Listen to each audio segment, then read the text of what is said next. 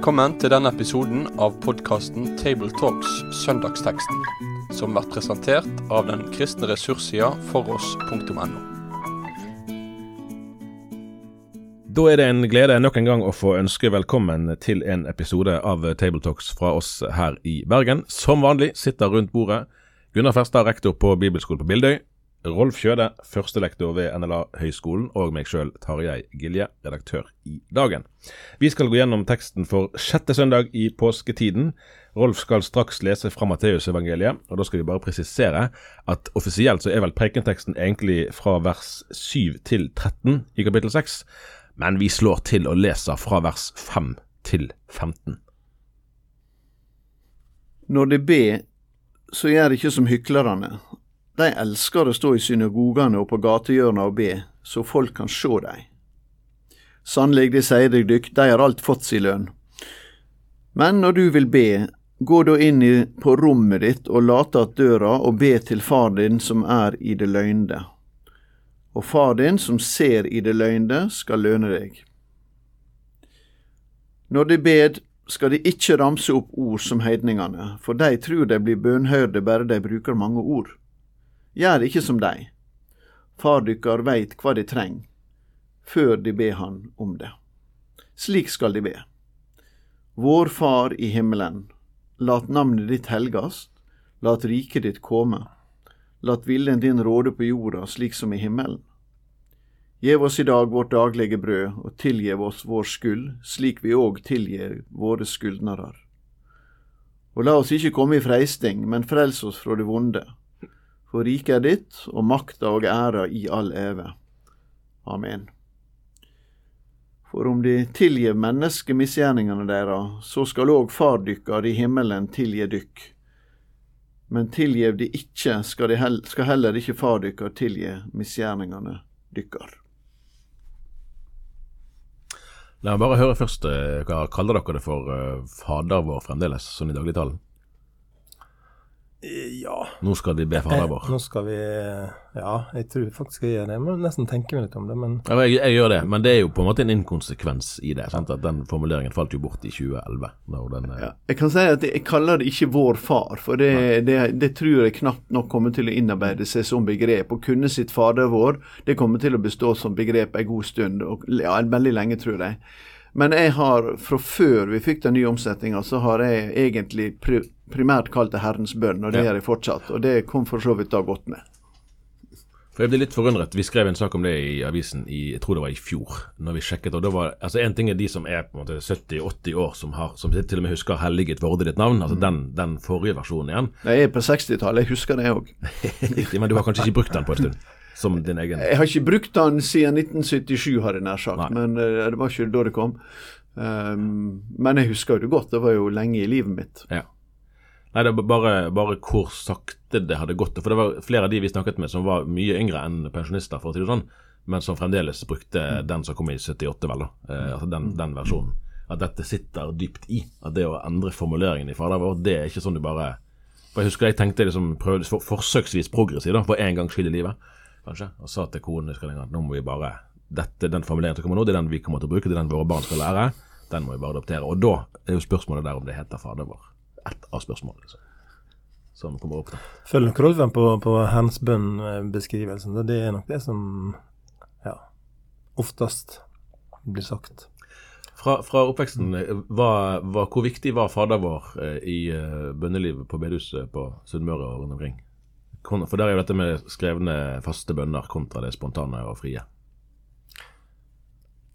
Altså På, på bedehuset, tror jeg det var Sånn som jeg husker det, så var det, det var brukt i heimen, men i mindre grad i, i bedehuset som en mm. sånn felles eh, bønn. Det ble vel brukt litt sånn avslutningsvis, kanskje, i enkelte sammenhenger. Men eh, jeg kan ikke huske at den sto veldig sterkt da.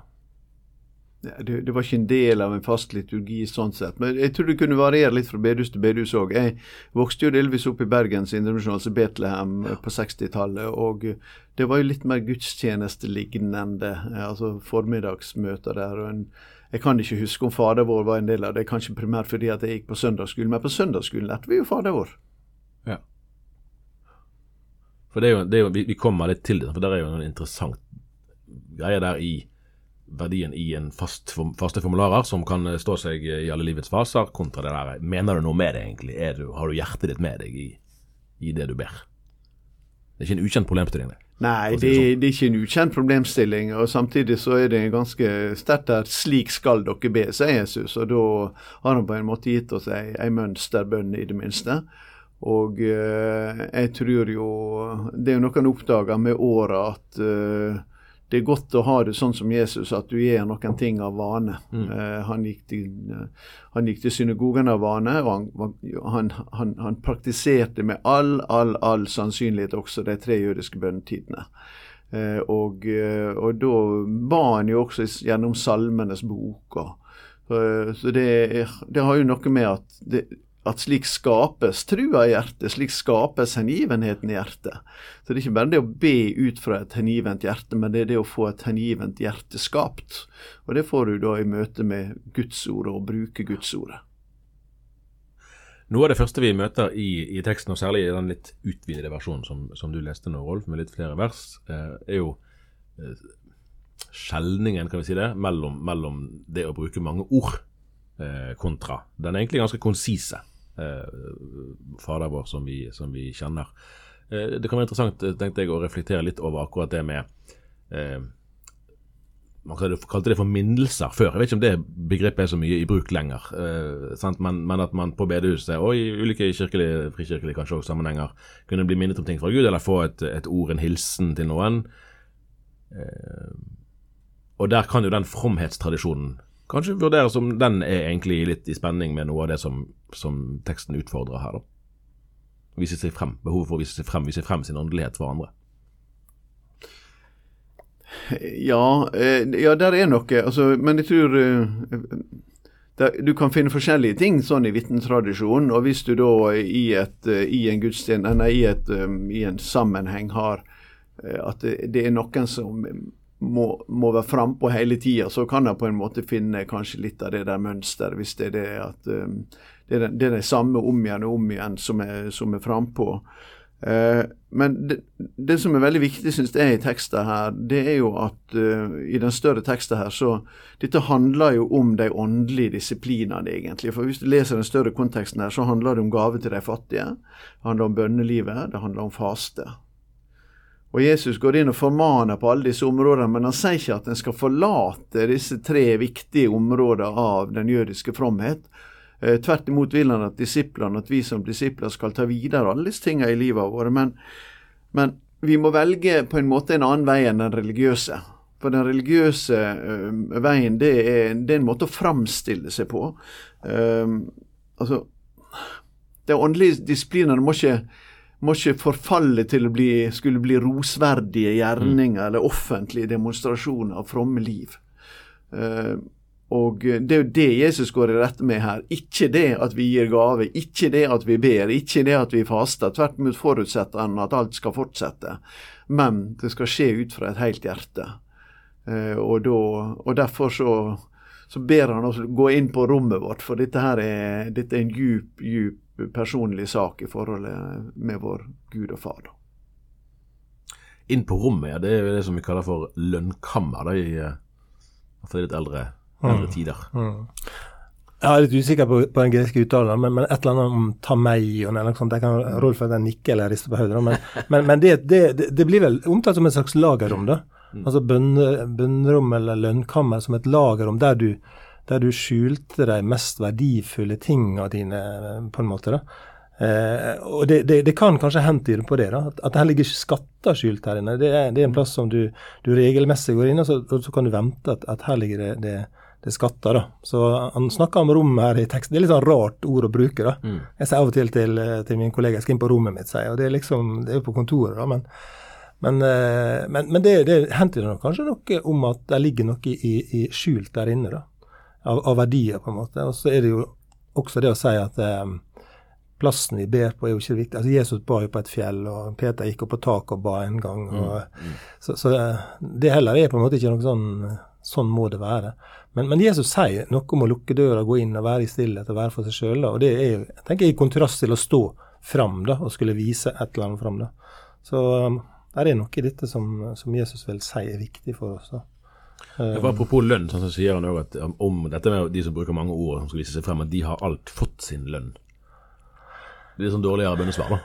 Ja, nei, altså, han, han bruker jo ordet lønn vel to ganger i teksten der, på en måte. Men altså eh, Ja, altså er det, er det liksom en, en tanke om at når jeg gjør det og det og det, så får jeg lønn for det, på en måte? Er det, er det, er det, er det en belønning at det da blir sett på eller blir regna som, som rettferdig og som rein og, og uh, har liksom frykt for Gud og, og alt det der. Men, eh, men det er ingen belønning å få, sier Jesus. De har fått sin lønn, og hva det betyr om De har, de har fått en lønn, da, sier han. Og er den lønna de har fått, en lønn som ikke varer, fordi det er kun mennesker som eventuelt beundrer eller, mm. eller uh, blir imponert over, over den måten de, de framtrer på. da. Um, det blir iallfall bejubla av mennesker, kan det virke som om. det, For det er liksom det, det, det er den lønna kanskje de får der og da. Uh, men uh, den, den, uh, den, er ikke noe varighet over den. Ja, det er jo det, det som er poenget. Altså, akkurat det du sier på slutten der, vil jeg tro. da, at det, De har fått sin lønn, de har fått sin oppmerksomhet. Ja. Det var den de var ute etter. Mm. Men de tapte jo relasjonen. Mm. Mm. Så tapet er større enn gevinsten. Og Der, der sier du egentlig et, et, nøkkelord i det som så kommer. Sant? og det er jo noe av det som, Vi snakket litt om det før vi gikk i studio i sted, om, om, det, om, om fars, farsrollen, farsbildet i, i bønnen. Og Det er en fortrolighet her som blir skildret mellom den som ber, eh, og som Gud. Jeg tenkte vi kunne si litt om det, om, om hvordan vi leser fortrolighetsaspektet. da. Eh, for så vidt både i GT og NT, hva er det Bibelen lærer oss om det? Sant? For det heter ikke bare deres velærverdighet eller et eller annet, det er faktisk far ja. vi ber til. Ja, jeg, jeg syns det er veldig fint. jeg, jeg, Igjen, da når jeg liksom tenkte litt på teksten i dag, så, så ble det noe veldig fint i det å kunne fornye den tanken da, om at det, det far, farsbegrepet blir jo brukt faktisk seks ganger i, fra vers 5 til 14. Så det, det, Han gjentar og gjentar dette eh, begrepet far. da. Eh, og jeg tenker at Bør ikke hele bønna leses og bees og tenkes i lys av at det, nå er det far-barn-relasjonen som er i fokus. Eh, jeg går til far, en far som er i mørket, en far som ser i mørket, en far som lønner i det skjulte. Eh, og, og, i vers 8 så sier, sier han at altså, far dere veit hva de trenger. De trenger ikke å bruke så mange ord. Altså, jeg syns det er noe utrolig hva skal jeg si, vakkert og noe hvile over og det at Jesus introduserer det begrepet, da, som jeg vil jo tro for jødene sånn, det var jo veldig rart å høre det. For det er ikke det vi leser i GT, tenker jeg. Men, men farsbegrepet er det, det er, jeg synes det er sterkt framme. Og også det, hvis vi, hvis vi um, kikker så vidt på parallellteksten i Lukas, så bruker han eh, det her bildet med en far som, som hva gir en far til sine barn, på en måte. Og det er i forlenginga, står det da i Selv om da, da er jo Fader vår tatt ut av den konteksten som vi leser i Matteusevangeliet. Men likevel så kommer da et par beretninger etter mm. der Fader vår står i Lukas, som altså handler om, om, en far som, som Er det en far mellom dere som gir sønnen sin en orm når han ber om en fisk? sant? Eh, eller gir han en skorpion når han ber om et egg? Altså Farsbegrepet er også inne og inneslutta bønder der. Så jeg syns det er en, en veldig sånn sterk, um, sterk, føring i det. da. Eh, når jeg ber, så er det til far. Eh, må tenke, lese og og ber denne bønna i, i, det lyset, tenker jeg. da. Så Det er noe med fortroligheten som, som Jesus introduserer i, i Fader vår. Der vi kanskje i vår tradisjon, Rolf, vet ikke, at vi liksom har hatt mer sånn avstand til Fader vår. Fader vår det, er et eller annet sånn uh, opphøgd uh, litt, uh, litt, sånn ikke, ikke, så nært som vi på en måte i vår bedehustradisjon ønsker at bønna skal være. da, Men så er det likevel så nært som det kan bli. Det er vår far. Og du hadde et gresk uttrykk i, før vi gikk i studio. Det, det, ligger jo i språk også, det. Eh, når vi sa fader, så sa jo vi noe opphøyd. Ja. Så, så, sånn sett er det godt at vi slipper å si fader vår, men at vi kan si vår far. Mm. Fordi at det er et nærmere begrep enn fader vår i, i, i språket, mm. slik som det er i norsk. Uh, ja, det, det, er diskusjon hvordan jeg skal oversette disse. Nå er det 'vår far i himmelen'. Tidligere var det 'Fader vår, du som er i himmelen'. Uh, altså, På en måte kunne oversatt 'Vår far, han i himmelen'. eh, som sier noe om at vi har jo alle jordiske fedre, men her ber vi til den eh, han som Ja, som Efeserbrevtekster faktisk, det er jo en lesetekst fra Efeserbrevet, sier at det er han som har gitt navn mm. til alt som heter far og barn i himmel og på jord. Mm. Uh, og det er jo veldig viktig kanskje å si i vår tid, fordi at ja, det er et veldig sterkt motiv. og slett. Ja, det er det. Og, og, til alle tider så har det kanskje vært sånn, noe mange har hatt et trøblete forhold til mm. far. Mm. Men det er jo faktisk sånn, jeg hørte på Mannspodden her en dag, ja. jeg mener Helgås og co. Og en mener faktisk at kanskje så mye som ja, iallfall 95% av alle menn, eller gutter og menn som er i fengsel, eh, har hatt en eller annen form for fraværende eller voldelig far. Eh, det sier jo hvor utrolig viktig eh, far eh, er. Men det forteller oss også at det, det er ikke vi må, vi, det, det, er lett å forstå at folk overfører sine farsbilder på Gud, og dermed så blir det problematisk å forholde seg til Gud som far. Men det bibelske blikket er motsatt vei. Det var Gud som var far før. Det er vi som er fedre her, som er kalt til å speile, til å ligne Han. Uh, og Det er veldig viktig at vi sier når vi, når vi, bruker dette begrepet. og Det er også veldig fint i, i Bibelen vår at, at, mor også kommer jo inn på dette sånn så, som ei mor. Mm. Uh, Bibelen kaller ikke Gud for mor, han er åpenbart for oss som far. og Samtidig er jo ikke Gud kjønn. Altså Gud er ikke kjønn. Mm. Uh, både mann og kvinne er skapt i Guds bilde. og Derfor så tyr også Bibelen litt til mor for å, for å utfylle dette for, som ei mor. det er når det gjelder farsbegrepet, da, så um, der er jo noe veldig nært i det. Uh, og Det er jo derfor det for muslimene er utilbørlig å bruke det.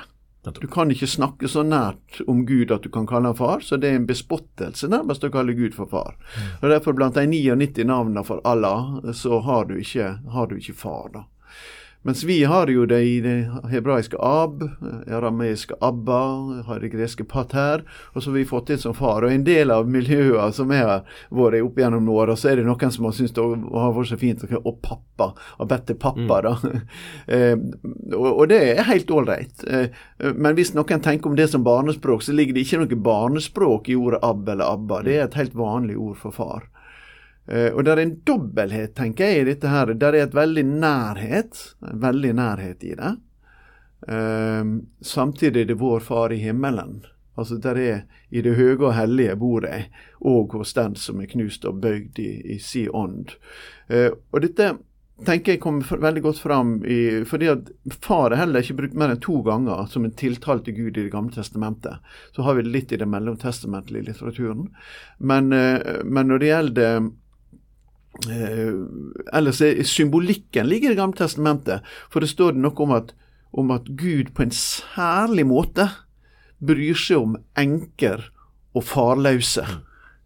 Og hva er det et uttrykk for? Jo, det er et uttrykk for at far er den sosiale tryggheten i familien. Det, det er fars rolle som på en måte sosialt holder og økonomisk holder familien sammen. Og hvis far ramler bort, så er det en katastrofe for familien. Da har du enken sønn i Nain, ikke sant. Det, det hadde skjedd en katastrofe. Og ja, Gud er den nære. Han er pappa på den måten at vi, vi kan sette oss på hans fang uten de mange orda. Men Gud er også vår trygghet og sikkerhet. Altså, det er han som setter vern om livet vårt. Og Det er også en side ved det å påkalle Gud som far, som jeg tror at vi må huske å ha med oss. Og Så kommer vi til, til selve Fader vår, til selve eh, de ulike bønnene. Og her kunne vi jo ha brukt uh, veldig mye mer tid enn det vi har til rådighet uh, akkurat nå, for å granske både sammensetningen og den enkelte av de. Så jeg bare gir litt sånn åpen invitasjon hva, hva dere vil liksom trekke frem fra selve, selve bønnene. da.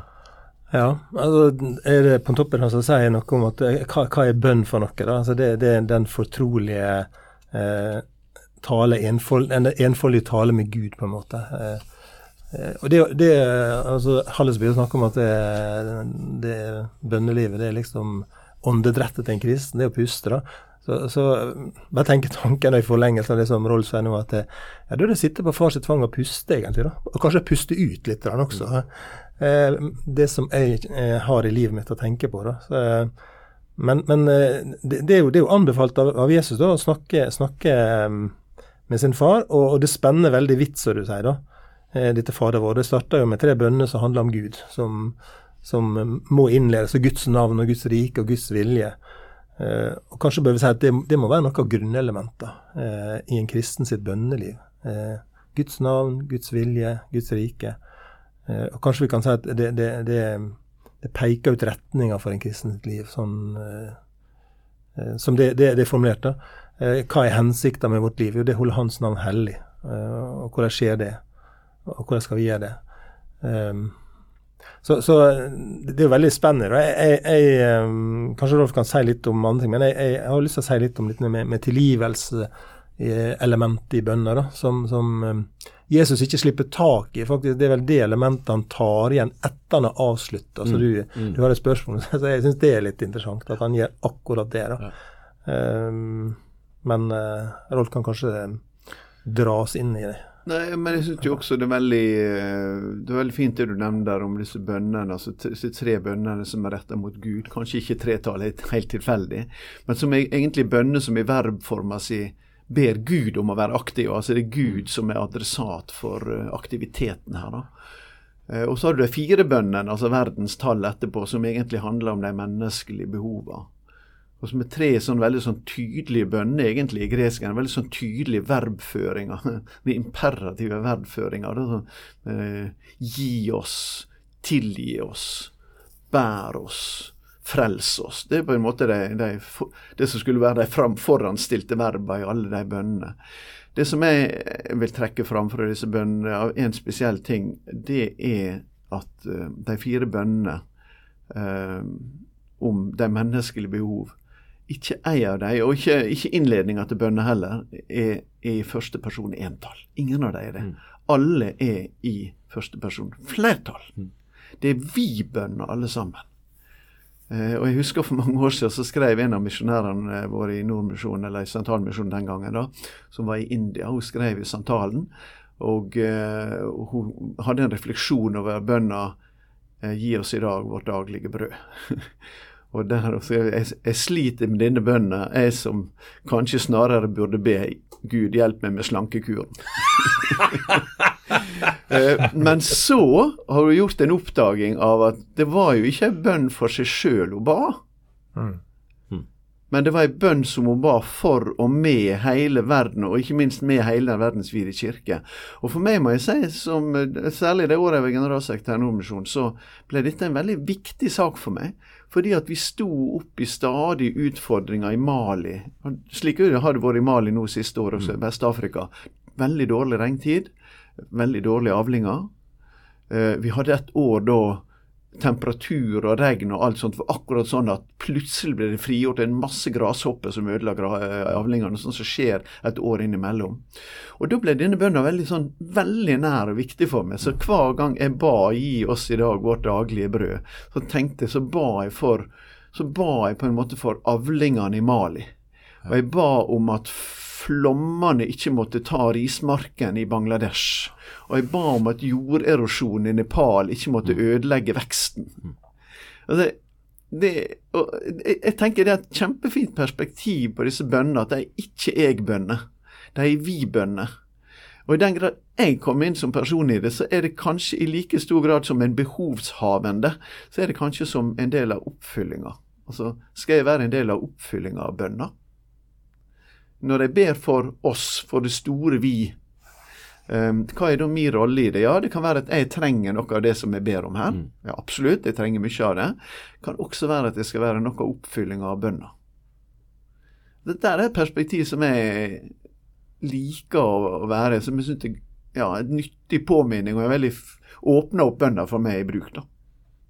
Det er nesten litt pinlig å si, men den, den vi eh, understrekinga. Den er litt sjelden å ha hørt, da. Mm. Rolf, jeg takker deg for det, altså.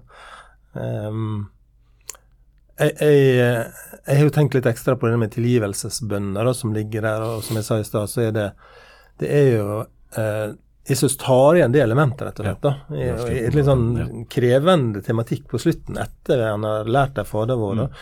Men, men, men, tilgivelse, eh, det å tilgi skyldnerne våre, de som skylder oss noe. Eh, det, altså han, han, sier, han sier 'tilgi oss vår skyld', og så kunne han gått rett videre. Han kunne sagt det, men så legger han også til, da, slik som vi tilgir uh, våre skyldnere. Eh, han sier ikke 'gi oss vårt daglige brød', slik som vi gir det daglige brød til, mm. til andre. Men, men, her så presiserer han i denne bønnen at, at det, vi skal oppgi retten, på en måte. Til å hevne oss sjøl. Vi skal oppgi retten til å komme med negative tanker. Vise, vise vilje til tilgivelse. Jeg tror, jeg tror dette her er faktisk et sånn brennende aktuelt tema inne i det kristne fellesskapet og inne i vårt liv. Tilgivelsen er en av de største kreftene vi kan sette i sving i, i fellesskapet og nasjoner imellom. og vi, Om vi tenker vidt om det, så er, er tilgivelsen er, er, og, her er vi blitt tilgitt. da, og Det er jo noe av grunn, grunntanken i hele vår kristne tro. Sant? Det er noe av det fjellet som jeg, jeg bygger livet mitt på, at jeg er en tilgitt synder. Jeg, jeg, kan, jeg, kan, få nåde hos Gud, og så vil Han at vi skal leve nådige liv i møte med andre mennesker. Det, det er en sånn daglig utfordring, tenker jeg for min egen del, og for oss alle. Det, det å være ha et sinnelag som er tilgivende i møte med andre mennesker. De som skylder oss noe. Sant? Og Hvis du da går over til fortsettelsen av teksten, liksom, sånn, altså, kan jeg be om å få sletta gjelda mi mens jeg krever penger av andre? på en mm. måte? Kan, kan, jeg, kan jeg, bli tilgitt og, og, likevel holde tilbake tilgivelse? Altså, er det forenlig med, med et kristenliv? Er, er det mulig? Mm. Og det, det, det, blir vi utfordra, tenker jeg på, i, i denne bønnen vi ber her. Og, og da ber vi om å få lov å eie et, et tilgivende mm, sinn å leve i. Eh, jeg husker det var en som sa en gang at i vår familie lever vi av å tilgi hverandre. Jeg tenker at i, i, fellesskapet så bør en leve av å tilgi hverandre. Ja, for der, der, er mange ting som kan bli krøllete. Det er sant, det. Eh, I opplevelsen av at noen skylder meg noe, eller har gjort urett mot meg, eller uh, fornærma meg, eller um, Så, så jeg, for, for, meg er det sånn sterk Det er jo mange sterke elementer i bønna, men, men um, er det noe eh, Det er jo nesten på en måte anekdotisk, men det er ikke helt det heller. Når de, de endringene som ble gjort i formuleringene, vi nevnte jo noen av de innledningsvis i 2011, eh, er det noe der vi vil trekke frem som gjorde at måte, bønnene ble tydeligere? Led oss ikke ut i fristelse, f.eks., sånn som vi ikke lenger sier. La navnet ditt helligest Det var jo et forsøk på å knytte det til helliget vorde, ditt navn. Ja, jeg syns jo det var veldig bra at en i bokmålsversjonen fikk det som vi hadde hatt på nynorsk lenge. Der mm. hadde vi hatt 'lat navnet ditt helgast'. Den mellomvarianten vi hadde 'la ditt navn holdes hellig'. Eh, det pekte jo til en stor grad mot menneskelig aktivitet.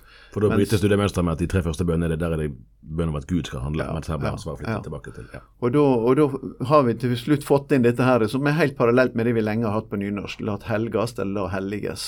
Så det syns jeg er veldig bra. Mm. Synes De tre bønnene er veldig godt oversatt. Jeg fatter ikke hvorfor en skulle komme inn med la oss på, mm. på den eh, tredje bønna, de menneskelige bønnene der. Mm. Eh, for det ligger ikke det er veldig vanskelig å se at det er dekkende. Altså det, det ligger mer at 'bær oss'.